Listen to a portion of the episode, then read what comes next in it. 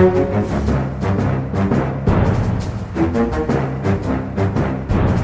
you. Oi, nei, men vi får bare banke på. ja.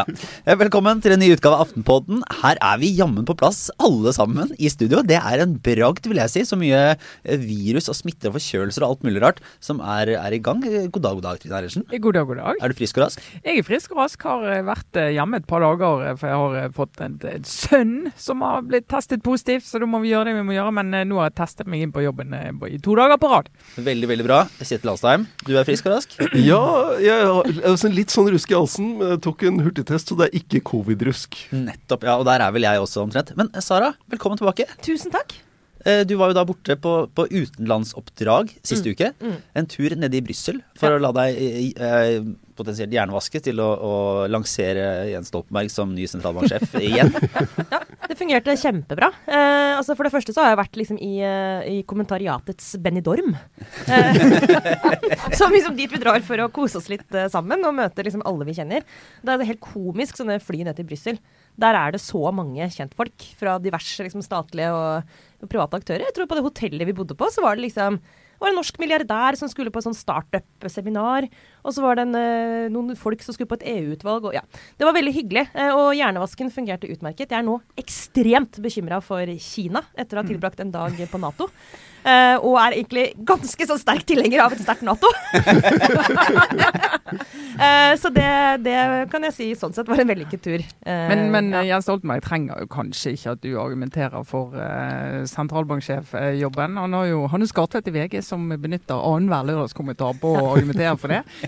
ja, jeg, tar, jeg, mener heller kanskje at jeg tok heller sånn Kan jeg heller ta den kringkastingssjefrollen, da? og argumentere for det. Ikke sant? Ja, for det mm. finnes jo alltid en plass han kan besette. Heldigvis heldigvis. Ja, ja. Nei, men Det er godt hvert fall å, være alle sammen eh, friske og raske, sånn eh, mer eller mindre. Eh, og da kan vi jo benytte anledningen til å minne om at vi står på kulturnæringens side. Og på tirsdag som kommer er det Aftenpodden live årsoppsummering av et veldig langt år. Så det er mye å oppsummere. Med minst én eksklusiv gjest og i det hele tatt god stemning. der er det fortsatt noen billetter, og vi vil jo bare vi vil jo oppfordre folk til å ta hensyn til kulturnæringen, tillate seg å eh, være med oss en kveld og få, få prata litt ut? Ja, det vil vi gjøre. og det, altså, Vi var på en sånn uh, jubilantlunsj i Aftenposten i går. De som har jobbet uh, lenge i Aftenposten, de får en, vi har en liten samles uh, en gang i året. og Da snakket jeg med han som drev det spisestedet. og De merker jo veldig nå at folk begynner å bli urolige og begynner å avlyse restaurantbesøk. og Som han sier, det var jo det var jo desember skulle jo litt redde oss. Omsetningen vår. De har hatt et knallhardt år. Eh, så hvis alle nå eh, bare avlyser eh, restaurantbesøk og alt på uteliv, og kanskje til og med Aftenpodden, så går det jo utover en del arrangører som Vi er jo på ingen måte de som blir hardest rammet, men jeg tenker på resten av byen. Ja, for, ja, for vår del personlig så er det mer hyggen. ja, vi, for, jeg har jo bare veldig lyst til å se folk, men ja. jeg tenker at folk må forholde seg til de reglene og, og, det som vi har, men ikke overdrive heller. Og så er det jo et poeng da, som er eh, ekstremt viktig for de som driver f.eks. utesteder og i kulturnæringen, at det er ingen støtteordninger nå. Sant? Fordi hvis det kommer eh, tiltak eh, og pålegg om å stenge, så kommer det jo også eh, en eller annen form for støtte. Det fins det ikke nå. Så hvis man liksom på eget initiativ begynner å ha sånn cancel culture på alt gøy, så eh, bare er det rett og slett konkursspøkelse konkursspøkelset som kommer til å gå gjennom byen her. Så da vil jeg heller oppfordre folk til å heller liksom legg festen ut til en restaurant istedenfor å være hjemme, eller istedenfor å arrangere f.eks. julebord privat. Bare dele opp i mindre grupper. Gå ut eh, på restaurant, for de ivaretar smittevernet, og de trenger at vi er der. Så får man heller bare liksom droppe den der enorme hjemmefesten, da, hvis man må liksom tenke at man skal være litt forsiktig. Eller kanskje ikke samle alle fra jobben på et sted, men heller dele seg litt mm. utover. Men eh, det, det, er litt viktig, det. altså. Ja. Den nye dugnaden går på bar. Og, og, så er Det litt interessant, i, det har vært litt diskusjon denne uka om uh, bør det være klarere statlige, nasjonale tiltak. Uh, bør det være uh, påbud istedenfor anbefalinger. Men det her er jo, det, det viser jo at folk, altså, folk begynner å tilpasse seg. Mm Eh, uten at det kommer nye, uh, nye påbud eller, uh, eller, til og med uten at det kommer nye anbefalinger, så driver folk og de får med seg nyheter om nytt virus og smittesituasjonen og sånn, og så gjør de tilpasninger på eget initiativ. Så det er ikke bare politikken som styrer hvordan folk oppfører seg. Jeg tenker så mye på mitt favoritt-Churchill-sitat, som jeg jo selvfølgelig ikke vet om er et Nei, så, det, er, sitat. det er jo bare halvparten av hans sitater som ble sagt av ham, Ja, men det det han- skal jo ikke stå i veien det for at det er godt sagt. Men alle er gode. Ja, Alle er gode, og dette her er jo da hans herlige omskrivning uh, Don't just do something, sit there.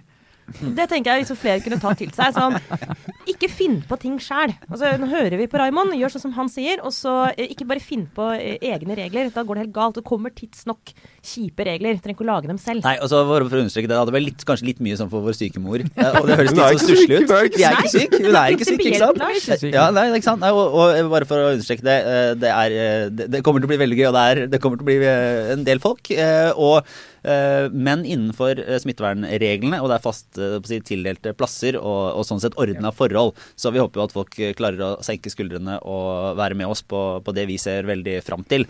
Um, Med mindre vi nå er orkesteret på Titanic. Og det Eh, er det jo en god eh, mulighet for at vi er. Men da vil du jo ha med deg den siste konserten. Ja, Du vil det. Du vil det. altså Hvis du skal gå ned, så vil du jo heller at noen skal spille, enn at, enn at, eh, enn- at det skal være helt stille. Det er helt riktig. Skvulping. Ja, ikke sant? Bare høre skvulping og skrik, så er det ikke noe gøy. Du må ha noen med en bratsj eh, stående i, i bakgrunnen der. Ja ja. Nei, men uh, vi, grunnen eh, Vi går e- elegant videre. Vanligvis så er det ikke sånn at folk kobler liksom merkevaren sin så tett til en uh, sykdom, eller en debatten om en sykdom, men vi er, går fryktløst inn i omikron-spørsmålet, for det er jo da det er jo da nye omdreiningen, en ny mutasjon, som potensielt er en game changer. Hvilken retning, det vet vi jo ennå ikke ennå. Det er ganske mye sånn usikkert rundt hva det innebærer. Men, men det har i hvert fall eh, skrudd opp temperaturen, og, og, og er jo da betegna av eh, Verdens helseorganisasjon som en hva er det de kaller det, veldig seriøs ja, Vær bekymra. Og, og den eh, smitter mer, og den er i Norge. Og det har jo fått litt sånn ekstra fart på den politiske debatten rundt koronahåndteringa også. For nå har jo da kan si at det er denne uka stort sett at Høyre har liksom kommet krabba ut da, fra nederlaget sitt. eh, og eh, begynt å nærme seg koronaspørsmålet igjen. Slengt litt med leppa mot regjeringa. Kritisert eh, først for, å, for at regjeringen altså, Og det er her litt vanskelig å gjengi. Men du kan jo si at Erna Solberg har nå måttet sitte og se på pressekonferanse om korona, ja. og hun savner seg selv. ja. Men, men for det her er det samme som da, da hun skulle prøve å sitte og, og gjengi hva Arbeiderpartiet kritiserte den da sittende regjering for. Så er det litt sånn uklart å finne sånn, de sentrale ordene i hva Høyre egentlig har ment at regjeringen har gjort feil. Men de ville ha tydeligere nasjonale retningslinjer og en, en tydeligere kommunikasjon. Altså, Ja, hva- altså det I hvert fall når jeg hørte Erna Solberg i, i morges, eh, og litt før i uken, så det hun eh, tar tak i, er jo Helsedirektoratet ratet, ra, Unnskyld? Like lett å si som Folkehelsetuttet. Hådir, det er det alle er- sier de insiderne. Så nå skjønner alle hvis jeg sier Hådir, så hva jeg egentlig mener. Eh, og hun eh, tar tak i det som de kom med for noen uker siden, og så med utgangspunkt i økende smitte før omikron kom til landet. Eh, og lurer på hvorfor ikke regjeringen har eh, fulgt eh, deres eh, anbefalinger. Og vil gjerne ha en begrunnelse for det, og mener hun ikke har fått det. Mens eh, Støre og regjeringen sier at ja, men vi, det er jo hele tiden en, eh, en vurdering, og de har hører på Folkehelseinstituttet, og de, ja, så de mener de ligger der de skal ligge. Eh, men hun har vært ganske skarp, og det var en fin trefning på Politisk kvarter i morges. Jeg jeg ble litt godt humør av det. Jeg syns det er fint når våre fremste politikere virkelig går i clinch. Altså, Erna Solberg var så irritert på Støre at hun overså programlederen og fortsatte å snakke inn i Dagsnytt-sendingen klokken åtte. Eh, så det var, det var topp stemning. Og hun var sur fordi hun, og det med rette, arresterte Støre for å være uh, upresis når han Ja, hevder at akkurat det der er litt sånn, der er litt av og til Støre, som jeg faktisk trodde var mer stødig på akkurat på presisjon. Og Han sa jo i Dagsnytt-sendingen uh, tidligere på morgenen da, at regjeringen, forrige regjeringen i september hadde sagt at nå er pandemien over. Uh, og Erna Solberg hisset seg opp for det, og med rette, vil jeg si. For det var jo ikke det de sa. Og da sier, svarer han om, og utfordret han på det. Og så sier jo han at eh, nei, men det var etterlatt inntrykk av dekningen. og da er det litt sånn OK, men det betyr jo ikke at det var det som ble sagt uh, i, i anstendighetens navn. Så jeg syns du skal trekke det tilbake, sa Erna Solberg. Og det gjorde ikke Støre. Og det var da hun bare fortsatte inn i. Så det var Men, men dette, Herlig dette, temperatur. ja, Herlig temperatur og en på en måte underholdende debatt. Men, men kommer vi til å få en mer eh, substansiell politisk debatt om koronahåndteringa der vi er nå, enn det vi har hatt det foregående halvannet året? Og det, det er ikke fordi at det liksom har mangla vilje, tror jeg, eller, eller nødvendigvis kompetanse, men det var, har bare liksom aldri Men det er ikke en vært- Nei. men det er ikke en sak som egner seg egentlig for en sånn partipolitisk debatt. Du kan alltids fange opp noe, og det alltid har vært hele veien en diskusjon rundt skal du lene deg mest mot HDIR eller FHI, for der har det vært en uenighet hele veien på graden av tiltak og sånn. Du kan finne en del sånne problemstillinger, men, men det er jo bare et, en sak hvor vi mangler datagrunnlag. Ikke sant? Så det er veldig vanskelig å arrestere noen på å ha gjort verken riktig og galt. Man må liksom bare prøve. Så jeg kan liksom ikke helt se, selv om vi har skiftet regjering, så er det akkurat en like vanskelig sak for opposisjonen å markere seg på som det var eh, før regjeringsskiftet. Kan liksom ikke se for meg at det, skulle, det kommer ikke til å endre seg. Men det er en liten forskjell, fordi at eh, store deler av opposisjonen har jo sittet med ansvaret, så de vil, ha, vil jo ha en annen troverdighet når de går inn og sier at uh, vi, vi kan faktisk eh, koronahåndtering, vil de kunne si. Og så eh, hva er dere holder på med? Hvis, hvis de har lyst til å gå den veien. Men jeg tror nok de skal være varsomme med det. Men det jeg la merke til denne uken, her, det er jo min tidligere klassekamerat Tom Georg Indrevik, ordfører i Øygarden kommune, som var, da, var debutantkommunen for Omnikron Ja, i Norge. kartet. Så da de var Gratulerer til Øygarden. Gratulerer til Øygarden kommune. Først i Norge, California var først i USA. Så Øygarden er liksom Norges California. West Coast, West Coast. Jeg bare sier det. Vestkysten der det skjer. Folk reiser rundt i verden, har et liv. Ja da, spennende. Men i hvert fall eh, og de, da, da var det en sak som vinklet på at Høyre-ordførere på Vestlandet eh, krever nå at regjeringen eh, gjør eh, mer. Eh, Og da blir det en sånn at eh, Da er etterlatt inntrykk at fordi de er fra et opposisjonsparti, så er de kritiske til regjeringen. Mens det er jo litt sånn som det var før regjeringsskiftet, at kommunene sitter ute i litt sånn desperasjon med sine unike problemstillinger og vil ha drahjelp fra eh, fra de, den nasjonale håndteringen. Mange kommuner vil i hvert fall det. Og, og sier at vi får ikke nok trøkk inn her hvis ikke vi får noe fra de sentrale myndighetene. Mens hele strategien nå er jo at du er nødt til å se hen er det smitte, eh, og hva tiltak skal du ha. Du skal være veldig varsom med de nasjonale tiltakene. Men da går jo Så går steder der det ikke er smitte òg. Ja, Og det kommer kom jo bl.a. fra noen kommuner på, i Vestland. Eh, og jeg hørte jo ikke de samme kommunene etterlyse nasjonale tiltak da det var veldig strengt i Oslo i flere måneder. Sånn at de skulle ha det samme som Oslo hadde. Mm. Eh, så det er jo interessant, syns jeg. Og så, men så er det, jo ikke, det er jo ikke helt nytt at det blir politisk diskusjon om tiltakene. Det var jo det i noen runder også under Solberg-regjeringen. Eh, og Arbeiderpartiet var jo til og med med på Stortinget i januar i fjor og vedtok sammen med Frp bl.a. at det ikke skulle bli nasjonal skjenkestopp. Så de har jo til og med gått inn og gjort vedtak i, i koronastrategien. Og så har det vært mye kritikk, særlig knyttet til innreiseregler underveis. sånn at det, det har jo vært tilløp til, til dette underveis. Men det som ligger der, eh, er jo ut fra smittevernloven, så er dette regjeringens bord. Og regjeringen trenger ikke gå til Stortinget for å, for å få behandlet dette. Jeg synes den der, eh, nå, nå er det Innreisereglene virker som dit eh, politikere, altså i regjering, går for å vise sånn handlekraft i møte med et veldig veldig stort, uoversiktlig problem. Det er sånn, Vi skal ha tiltak, og så gjør de bare en eller annen sånn liten endring på innreisereglene. Og så kan man på en måte si at man har gjort noe, og så er det ingen i Norge som blir sånn veldig veldig hardt ramma. Og så lar sånn Ja, det der- og det er noe-. Det er noe litt sånn umusikalsk med hvor lett man griper til Altså, jeg vet ikke hva det er det liksom spiller på, jeg så skal ikke spekulere for mye i det. Men det er, liksom sånn, det, er, det er fascinerende enkelt å få gjennomslag for at alle liksom nikker sånn Ja, det var lurt. Jeg vil bare stenge grensene.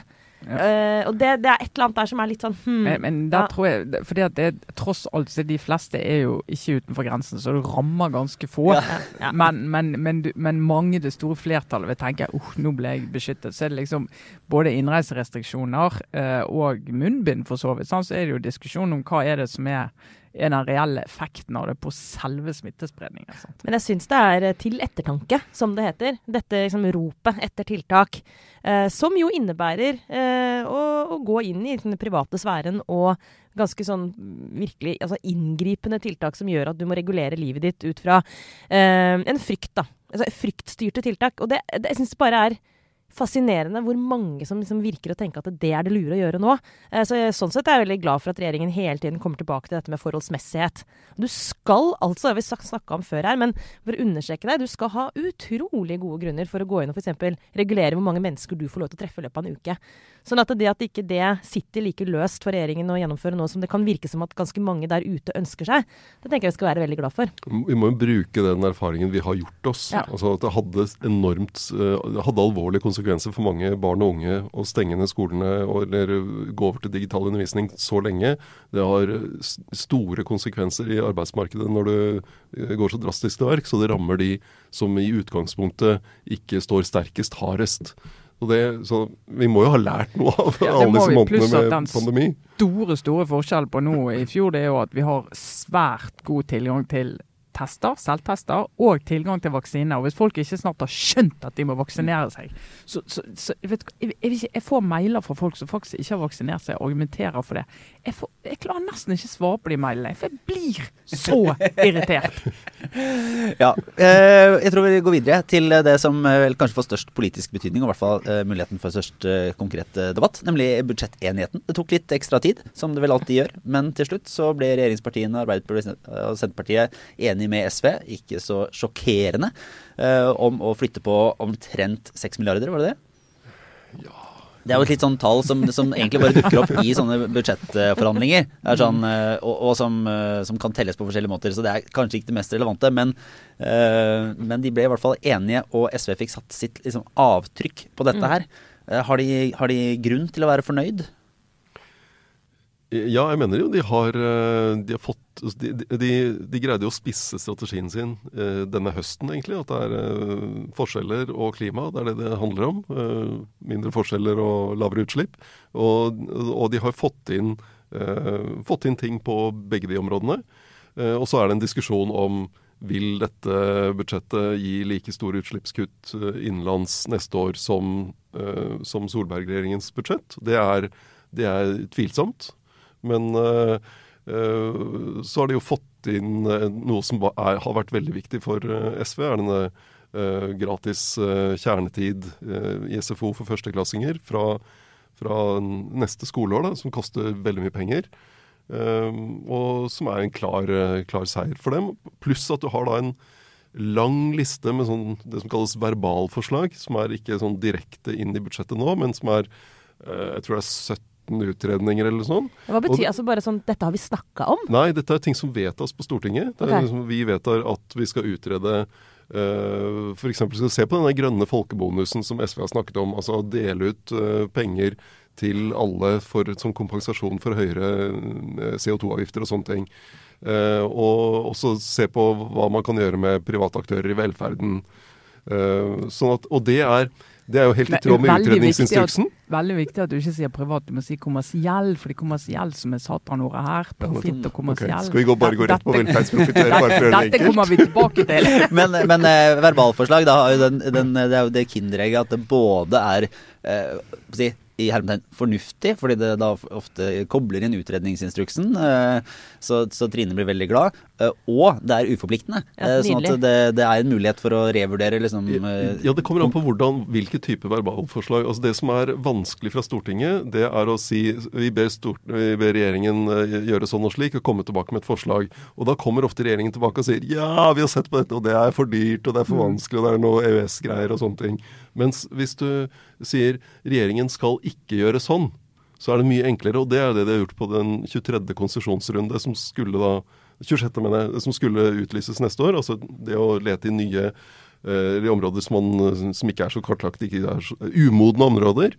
Og der SV har fått inn det skal ikke skje neste år. Og det er et sånn veldig enkelt, altså tydelig gjennomslag. Men, men da er vel spørsmålet om de får For det er jo liksom lett å tenke at var det kanskje lurt av SV å gå ut av regjeringsforhandlingene og så få faktisk ganske tydelige gjennomslag heller i budsjettet? Men problemet er at nå må de gjøre det hvert eneste år.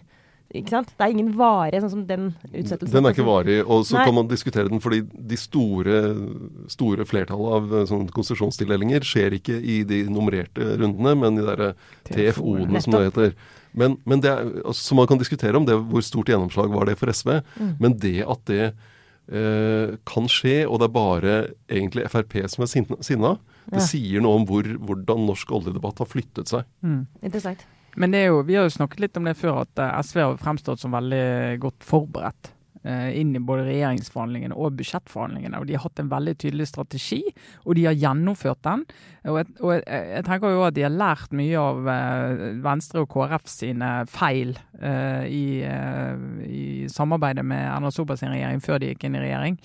Uh, og har liksom gått inn i det med en mye tydeligere plan og ikke latt seg eh, skalte og valte med.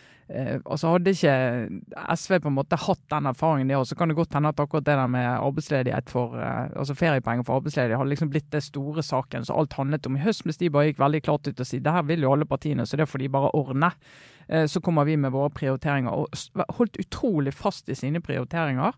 Eh, og det har de jo fått igjen for, og i hvert fall hvis vi skal tro på vår eh, måling nå, da, så har de jo gått litt frem òg. Så de har liksom greid å, å, markere seg utenfor regjering på en måte som en del andre partier ikke har lykkes like godt med gjennom årene. Men, eh, men, det var jo typisk sånn, da, og sånn var det jo under de borgerlige også, at eh, Arbeiderpartiet og Senterpartiet går ut da og så sier en, litt den der, en variant av denne 'et godt budsjett er blitt enda bedre'. Ja. Ikke sant? Eh, så, som var sånn ja, okay, det klarte ikke å levere det i første omgang, men så, så de vil jo ikke i nødvendigvis vedkjenne seg at de har gått på noen sånne store tap. Men er det, er det noe her som, som vil smerte mer enn en annet for, for Arbeiderpartiet og Senterpartiet? Ja, altså de, de har jo sånn som det ofte skjer, eller har skjedd de siste årene, så har de jo ikke gjort noe vanskelig valg.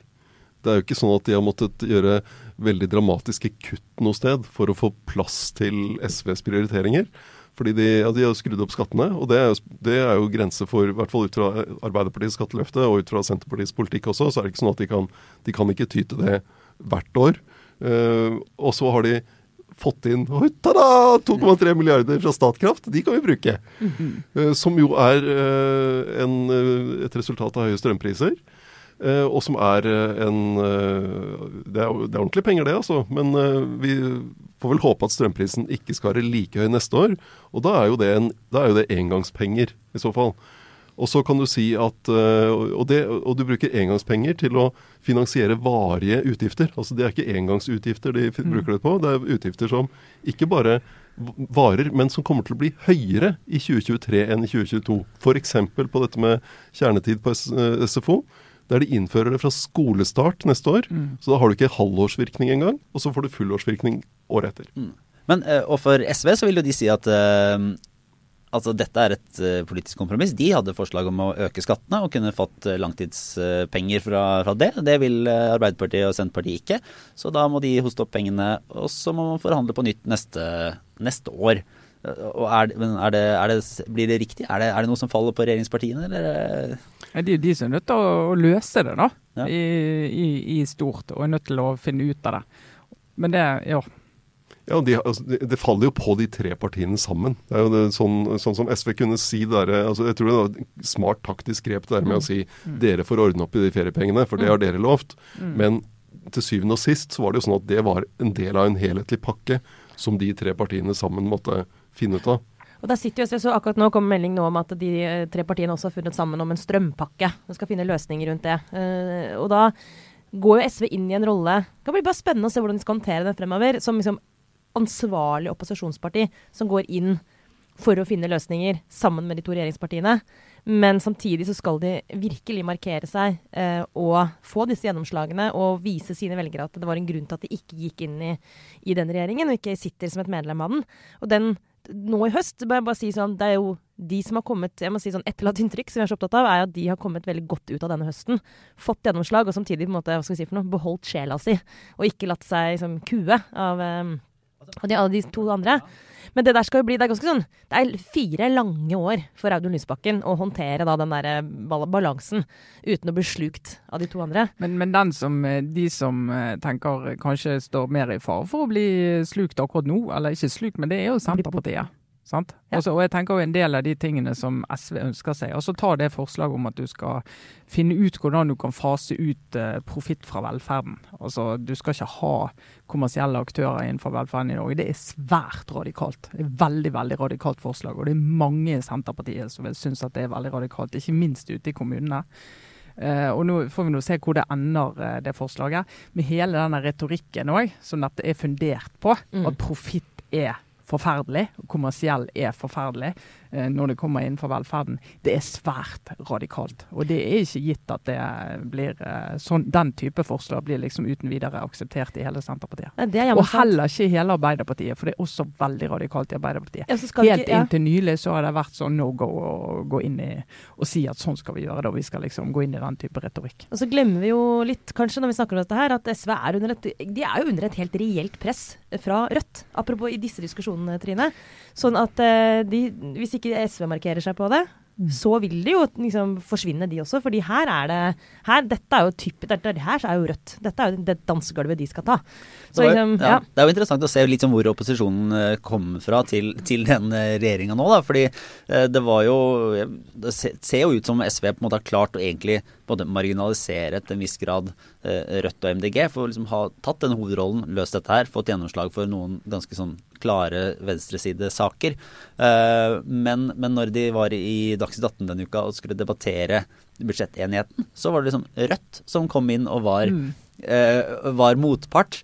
Og det sier jo et eller annet om at den hva skal jeg si, flertallet da, som nå etter valget ligger på, på sentrum-venstre, uh, får liksom økt definisjonsmakt da, i en del av de, de debattene, når, når kritikken ikke kommer fra eh, jeg vet ikke om det var tilfeldig eller ikke, men, men ikke kommer fra Høyre eller Frp, men, men fra Rødt på, Men på noen jo- viktige saker. Men det er jo interessant på den måten at jeg tror altså de partiene som nå har gått ut av regjering, er nødt til å finne seg sjøl litt. Og det må jo Høyre òg eh, gjøre som opposisjonsparti. Sant? De har en del så enkle ting de kan ta.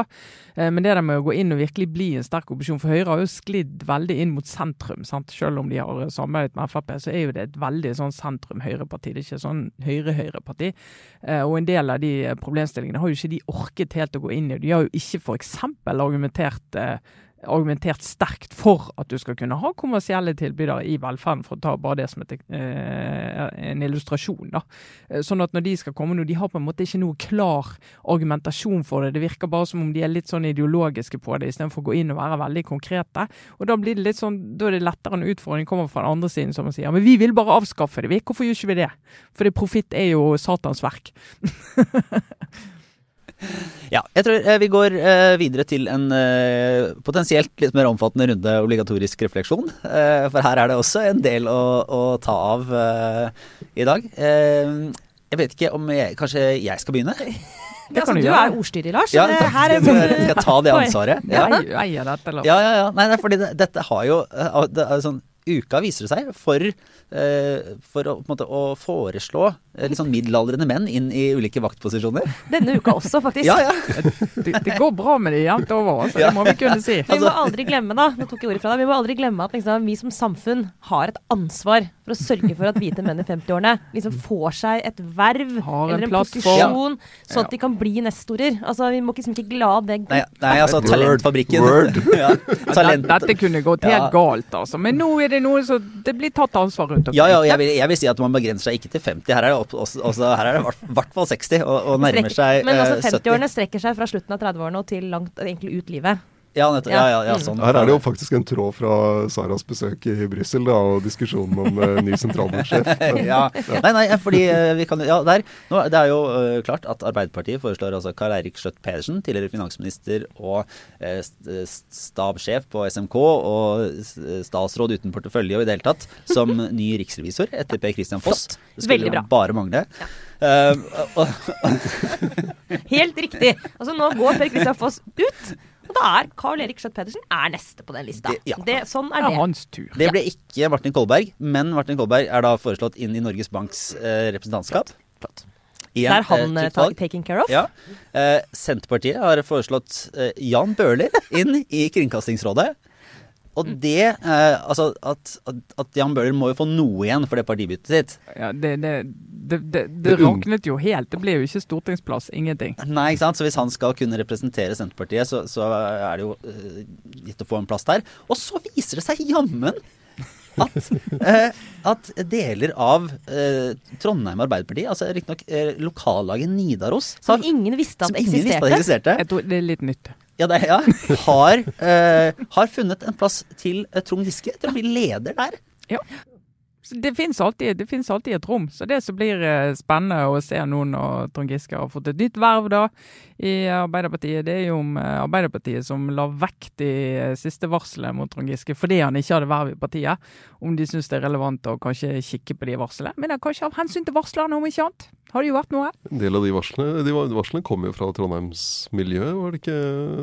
Jo da. Ja, så De gjorde det. Da, De gjorde det. det er jo spesielt relevant, faktisk. Ja, faktisk. et, eh, Ja, det, det får vi se om Arbeiderpartiet på Youngstorget syns det, eller leder i Trøndelag Arbeiderparti, Ingvild Kjerkol, syns det. Hvem vet? Eh, Så- Noe sier meg at de ikke kommer til å si noe særlig om det. Ja. For det er jo sånn det er blitt. Som for øvrig da er parallelt Jeg vet ikke om jeg snakket om uh, den nye filmen som kommer om Trond Giske og hans eh, på en måte kamp for en politisk framtid.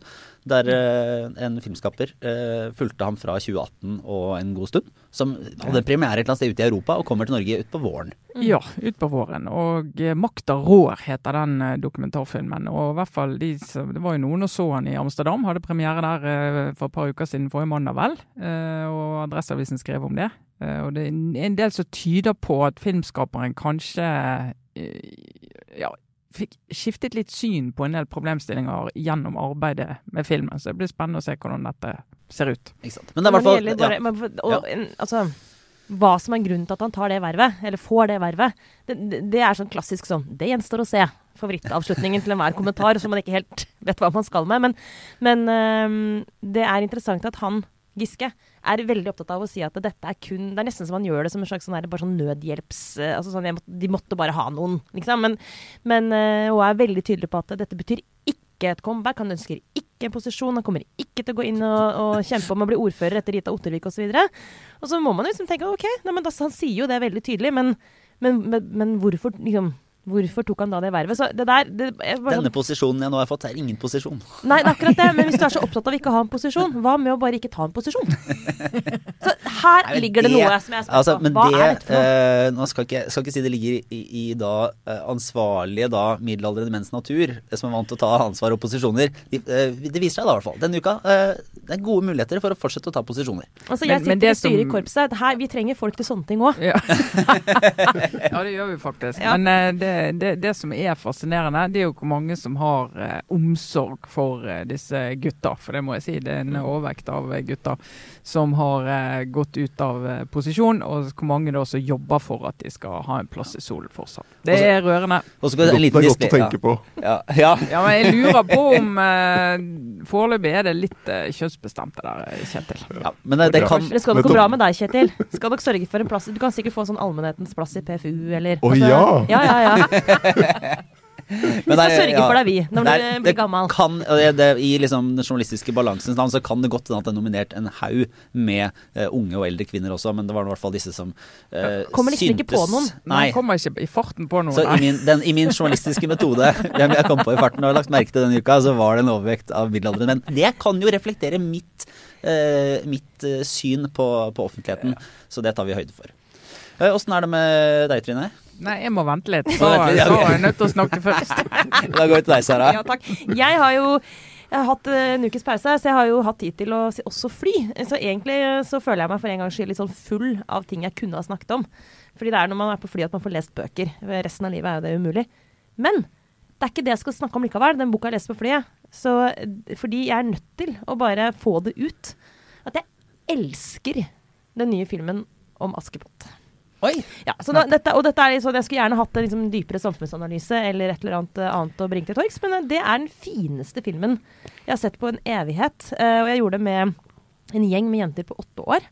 Og jeg hadde egentlig veldig lave forventninger, fordi jeg likte jo, eller liker veldig godt den der originale 'Tre nøtter til Askepott'. Uh, tenker liksom at det var unødvendig å drive og tulle med det. Så jeg var egentlig liksom, tenkte ok, jeg kan høre på en podkast mens de jentene ser på film, liksom. Men jeg ble altså så grepet av den historien. Altså, nå har jeg også gått Ikke bare at det er julestemning, men nå Jeg mener at den filmen er viktig. Altså sånn, det Oi. er Ja, altså vi er, gå, vi Vi er er der. der, ja. Vi For er jeg har også sett den, og akkurat viktig var vel Jeg, og jeg likte den eh, godt. Jeg synes, og Astrid S er jo skjønn, skjønn, skjønn. Men Har de, er det fortsatt en sånn eh, forteller som har alle stemmene? Litt sånn eh, Nei, nei de, de snakker selv. Veldig mindfuck at de ja. Nei, men det som jo Grunnen til det med viktig, da, altså Ja. det mener jeg helt genuint, det er at uh, det er et eller annet med når du er på kino med, med jenter i den alderen. Altså, de er så mottakelige for alt. Altså, det er faktisk litt skremmende i seg selv. Altså, det er ting de ser på på skjermen sin som liksom går rett inn i de der hjernene. Men, men, men i, i dette tilfellet var det en bra ting, da, fordi at de har gjort sant? De har skrudd på den historien eh, om Askepott eh, akkurat nok til at det er en heltinne som er et ålreit forbilde for unge jenter. Altså, det er typisk sånn Ja, hun er jo litt tøff og kul. Sant? hun er tøff og kul, og hun, eh, hun tar liksom r den ledende rollen i denne relasjonen med denne prinsen. Og det er en sånn nøkkelscene. Som da er en dott, eller åssen Prin, prinsen er en dott, ja. Nei, men prinsen er, er kjekk og, og fin og sjarmerende og morsom. Og vennen hans er homo. Ja. Men homofile. Ja ja. Mm. Uh, og det er liksom helt Det bare er sånn. Ja, altså jeg ville vært overraska hvis det var gjort noe veldig stort nummer ut av. Ja, sånn men- ellers. ja, Nei, men, det, eh, men det er jo liksom det er jo liksom satt tilbake i tid, så de tar jo en del sånn moderne grep i en gammel historie. Og det er jo et fantasiunivers, så det går jo helt fint an. Så er det sånn det nøkkel, nøkkelscene hvor Det er ikke en dokumentar vi Men Jeg skal ikke gjenfortelle hele filmen, men jeg må få sagt den ene scenen da, som, er grunnen Ja. som jeg syns var så fantastisk. Jeg fikk gåsehud, som er når prinsen liksom faller ned, holder på å dø, faller ned, i- fra, ned i en elv, liksom. Og det er Askepott som redder prinsen fra å falle. Og ikke nok med det, og da er vi over i det helt urealistiske, men likevel kule. Hun drar han jo opp, liksom, med fysisk makt. Men, men blir det mye spoiler her nå, Sara? Jeg tror på en måte alle her som hører på at- forstår at prinsen ikke dør. I, i, altså, Og på et eller annet nivå ender godt. Ja, det, på, det går bra. Nei, og det, og det, men altså det der å ha Det er Cecilie Mosley som har regi på den filmen. Og eh, helt, alvorlig, det å liksom lage en sånn eventyrfortelling som egentlig bare skal skape god stemning, men hvor en mor med en haug med jenter på kino kan tenke sånn Dette var dødsbra for jentene å se. Mm. Da ble jeg ble så takknemlig for det. Ja, så men, det ser jeg. Og jeg, jo, jeg var jo der med en gutt i litt uh, samme aldersgruppe. Eh, så var det han var lettet over, han likte filmen veldig godt, det at det, det ikke var noe kyssing. Det var felles for alle. Ja. Det var, eh, det var rett og slett det hadde vært så ekkelt, mamma. Ja. Litt der. Foreløpig. Foreløpig. Så det betyr flere kvinnelige filmregissører. er egentlig det som Ja, men det er veldig godt sett, eh, Sara. Jeg er enig. Jeg er enig. Fin film. Uh, Kjetil, da vil spare Trine til slutt, da. Så Ja, det må vi, for her eh, må vi tenke. ta Ja. litt, litt annet kultur, kulturtilbud, det, da.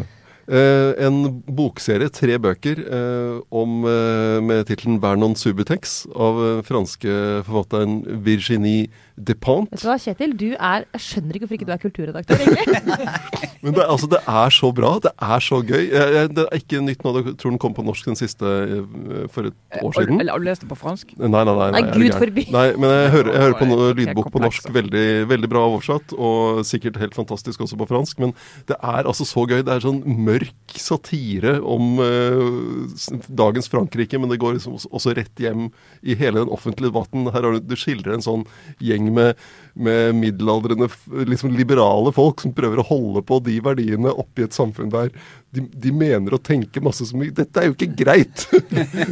Du, eh, dette snakker til meg. Og det er rus, og det er sex, og det er musikk, og det er, det er eh, rett og slett Altså, de, de kjemper for et liv hvor de kan fortsette å ruse seg og ha sex og gå på konsert. ja, og mener rare ting. Så ja. Nei, men det er, eh, det er rett og slett veldig bra, veldig bra bøker, altså. Jeg tror jeg er nødt til å si det forfatternavnet en gang til, for det, Virginie Depant, eller jeg tror det er Despentes man ja, skrive. dette må vi legge ut på Facebook, Lars. Dette går i, rett i uh, nyhetsbrevet, som, uh, som alle gode abonnenter kan få hver torsdag. Uh, som man også kan eh, melde seg på på aftenpodden.no. Så der. Nå, Trine Eilertsen, hvordan går det med et favorittstudiested? Mitt favorittstudiested, ja. Ja, Nei, altså eh, Nesna eh, har jo eh, he- hengt i en tynn tråd lenge. Eh, og det ble jo eh, Universitetet Nord bestemte seg for å avvikle campus Nesna.